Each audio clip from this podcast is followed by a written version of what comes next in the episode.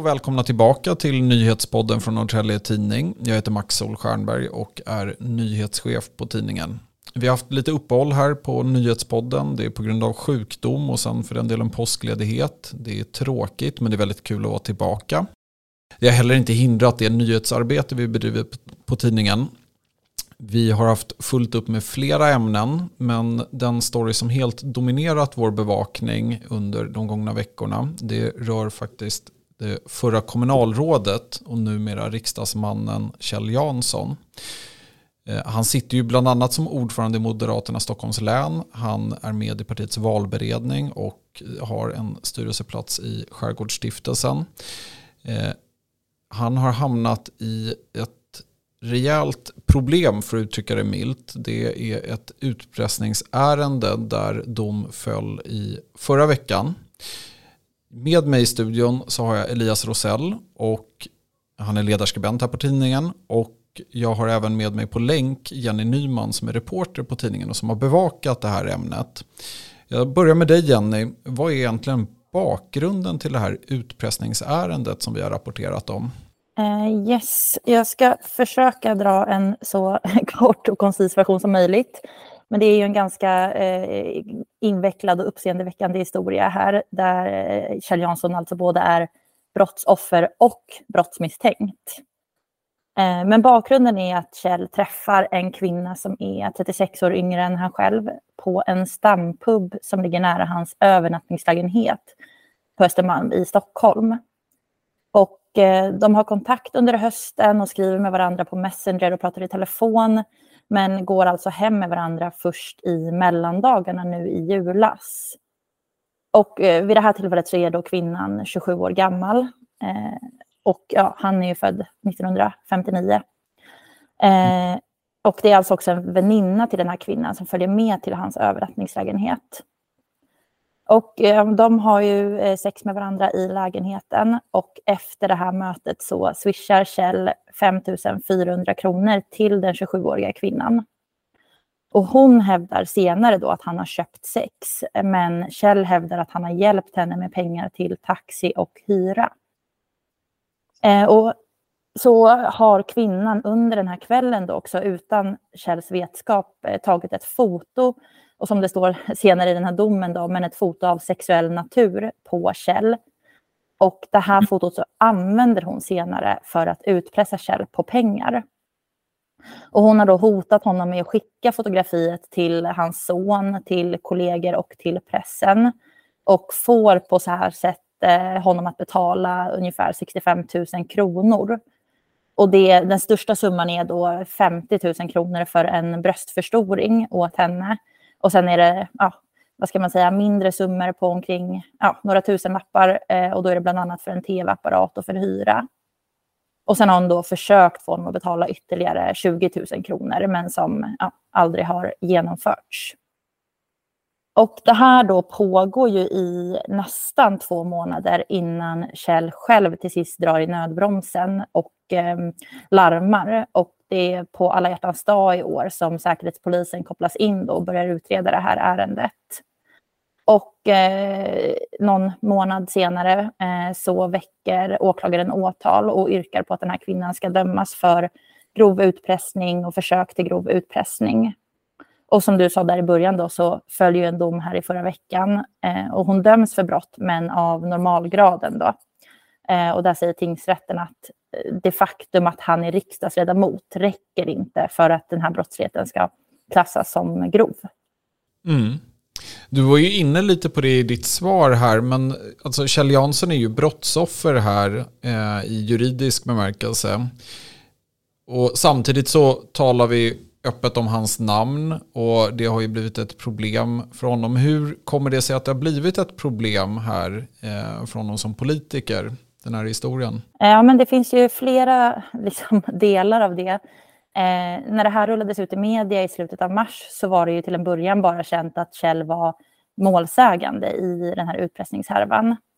Eh, men sen kom det då fram uppgifter om att han själv utreds för sexköp i det här ärendet. Och eh, liksom, själva den utredningen pågår ju fortfarande, så det mm. ska jag ju inte gå in för mycket på så. Men själva anklagelserna är ju någonting som partiet helst inte vill ta i med tång. Och ganska snabbt efter att de här misstankarna blev kända så tog Kjell eh, också en så kallad time-out från politiken. Eh, och en annan del i den här problematiken då eh, är ju själva omdömesfrågan. Han har ju då gått i sängs med den här kvinnan. Eh, hon är dessutom dömd för allvarliga brott sedan tidigare. Och, eh, och så har han, har han hamnat i den här utpressningssituationen. Eh, och det tyder ju på bristande omdöme att från början så att säga försätta sig i den här situationen eh, och sen också låta sig utpressas under så pass lång tid innan han slår larm. Eh, och det är väl precis så att säga den sorts situation man inte vill hamna i som eh, riksdagsledamot. Så att det mm. kan, kan nog bli svårt att hämta sig från, från det. Just det, och du har ju talat också med Tony Ingesson som är forskare då inom underrättelseanalys vid Lunds universitet som berättar om en del av liksom problematiken som han ser när han tar del av just den här situationen. Jag tänker att vi lyssnar på honom. Och det visar ju också på att han har någonting att dölja. Annars hade han ju... Alltså hade han inte haft någonting att dölja hade han ju, då hade han ju lika väl kunnat inte spela med i det där från början. Men det gör han ju, så att, eh, då det tyder på att... Alltså är han ju, menar jag, mottaglig för utpressning och det är det som är problemet. Sen kan man ju säga så här att, ja, nu, nu förstod han ju här att det var pengar det handlar om. Och pengar är ju, pengar är ju bara pengar, så att säga. Det, kan man ju, det förstår man ju omedelbart att det här kostar mig så här mycket. Eh, men det är, det, är det det kostar. Mm. Så att det är inte säkert att han, om, om, de, om de då eh, hade begärt att han ska hjälpa dem med information eller påverkan på något sätt, så vet vi ju inte om han hade varit tillmötesgående på samma sätt. Um, det, det går inte att säga utifrån det, för han kanske hade resonerat annorlunda då. Um, men, men det är ju det är ju inget gott tecken att det gick att bedriva utpressning eh, generellt då, får man väl säga. Hej, Ulf Kristersson här. På många sätt är det en mörk tid vi lever i. Men nu tar vi ett stort steg för att göra Sverige till en tryggare och säkrare plats. Sverige är nu medlem i Nato. En för alla, alla för en. Vi är specialister på det vi gör, precis som du. Därför försäkrar vi på Swedea bara småföretag, som ditt. För oss är små företag alltid större än stora och vår företagsförsäkring anpassar sig helt efter firmans förutsättningar. Gå in på swedea.se företag och jämför själv. Ja, Elias Rosell, du är ju ledarskribent här på tidningen och har ju följt den här historien. Eh, men jag tänker, alltså, hur ser du på den uppkomna situationen för Kjell och för den delen för Moderaterna? Ja, för Moderaterna så är det absolut en jobbig situation. För Kjell Jansson är det ju uppenbart att det är det. Men jag tänker att Moderaterna har i alla fall tre saker som de, de behöver tänka på här. Eh, dels så behöver de tänka på hur opinionen reagerar på det och hur bilden av dem som parti blir. Och där blir det ju kanske särskilt problematiskt för ett parti som vill profilera sig i frågor kring lag och ordning och Sveriges säkerhet. Att ha en riksdagsledamot som dels är misstänkt för brott och har satt sig själv i en situation där, där han har blivit utpressad. Så det tror jag är en faktor. Sen tror jag, sen ska det sägas att Moderaterna är ju inte, de är ju inte Kjell Janssons arbetsgivare. Det, det är man ju inte till en riksdagsledamot. Men jag tror ändå att de känner ett visst ansvar gentemot honom också. Den, den hela diskussionen kring, utan att dra några övriga jämförelser, så har ju diskussionen kring arbetsgivares ansvar för personal som hamnar i blåsväder blivit särskilt aktuell nu med, med polisen Mats Löving. Mm. Så jag, jag, skulle, jag skulle ändå kunna gissa att, att Moderaterna känner ett, ett, ett slags ansvar gentemot Kjell Jansson själv. Sen finns det väl en praktisk aspekt av det också. Det, det kanske ställer till att ha, en, att ha en politiker som också har många tunga interna poster på, på någon slags otydlig timeout hur länge som helst. Så att jag tror väl att det är de tre sakerna som, som Moderaterna försöker ta hänsyn till nu. Mm.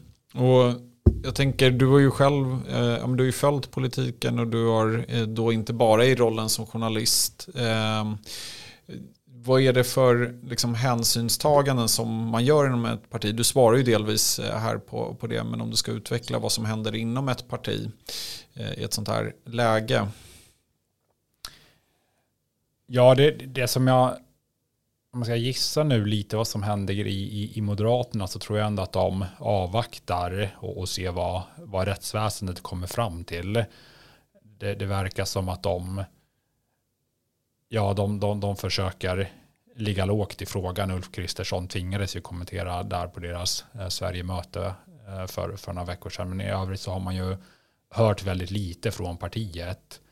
Så att ja, jag tänker mig att de, de ser om det här kanske blåser över eller om det blir som så att, att det kommer fram ja, eventuellt fler saker eller så. Då, då, då tror jag att de tvingas agera.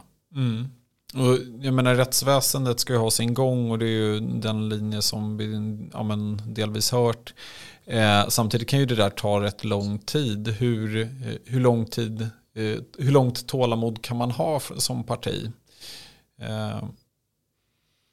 Ja, det, det är en bra fråga. Jag tänker att hade Moderaterna varit säkra på att de vill att Kjell Jansson ska avgå, även om de kan ju formellt sett inte sparka mm. någon som riksdagsledamot. Men hade de velat det så tror jag ändå att en partilojal person som Kjell Jansson hade, hade följt det, då, då hade det nog redan hänt. Nu har det ändå gått några veckor ju sen, sen det här briserade. Och eh, egentligen har ju Moderaterna vetat om det här ännu längre tid än vad vi som media och allmänhet har gjort. Just det. Eh, så, så jag, jag, tänker att det ändå tyder på att de vill följa frågan. Men, men ja, det är klart att det, det, det blir ju det blir ett stort problem om det här drar ut i flera månader. Det blir ju en märklig... Det, det, det, ja, det kanske inte blir hållbart att ha en, att ha en riksdagsledamot på, på någon slags timeout under, under flera månader. Mm. Jag tänker Jenny, du har ju eh, försökt söka svar på de här frågorna. Du har ju varit i kontakt med eh, Moderaterna både eh, för Stockholms län och för den delen på riksplanet.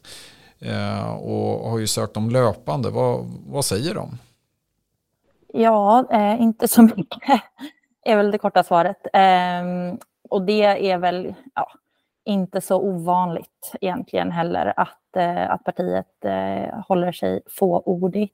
Eh, men ja, alltså när, som Elias var inne på så har ju ändå, eh, de hade ett Sverigemöte när det här eh, briserade.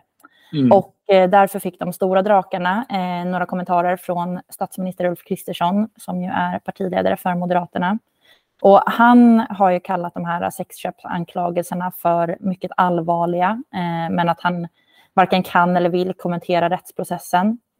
Eh, när man försöker nå partiet på ja, deras pressfunktion på riksnivå så eh, är det inte heller eh, mycket man, eh, man får ur dem. Partiet ska ju ha nåtts av ytterligare uppgifter om Kjell, eh, där det är någon kvinna som har eh, larmat om hans beteende, enligt uppgifter till Expressen. Eh, när, när det blev känt så sa Moderaterna till oss att de skulle gå till botten med de här uppgifterna, men men när man har följt upp det där så har det varit väldigt svårt att få några svar. Så att eh, nej, de, de väntar väl ut rättsprocessen helt enkelt. Hej, Synoptik här. Hos oss får du hjälp med att ta hand om din ögonhälsa. Med vår synundersökning kan vi upptäcka både synförändringar och tecken på vanliga ögonsjukdomar. Boka tid på synoptik.se. Hej, Susanne Axel här. När du gör som jag och listar dig på en av Krys vårdcentraler får du en fast läkarkontakt som kan din sjukdomshistoria. Du får träffa erfarna specialister, tillgång till lättakuten och så kan du chatta med vårdpersonalen. Så gör ditt viktigaste val idag, lista dig hos Kry. Det här lämnar ju en, en fråga som liksom har blivit hängande eh, och, och, som vi egentligen är inne och nosar på här när vi spelar in onsdag den 12 april. Det är ju egentligen hur ser Kjell Janssons framtid ut? Eh, kan han sitta kvar? Eh, och den, jag börjar med dig Jenny som ja, eh, liksom frågat partiet. Har du någon analys där?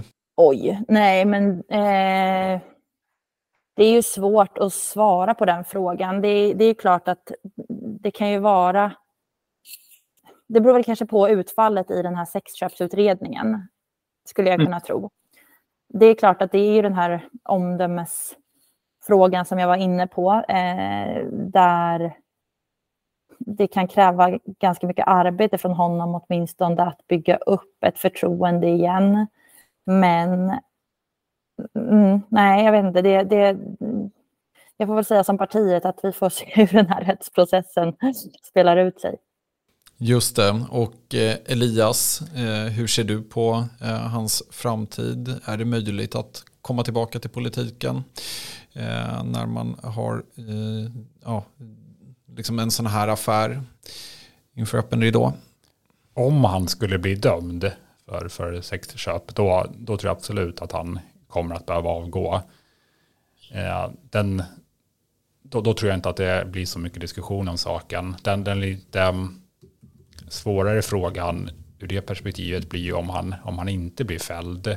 Då, då, då, då blir det otydligare. Men då tror jag ändå att det finns en sannolikhet att han, att han kommer sitta kvar.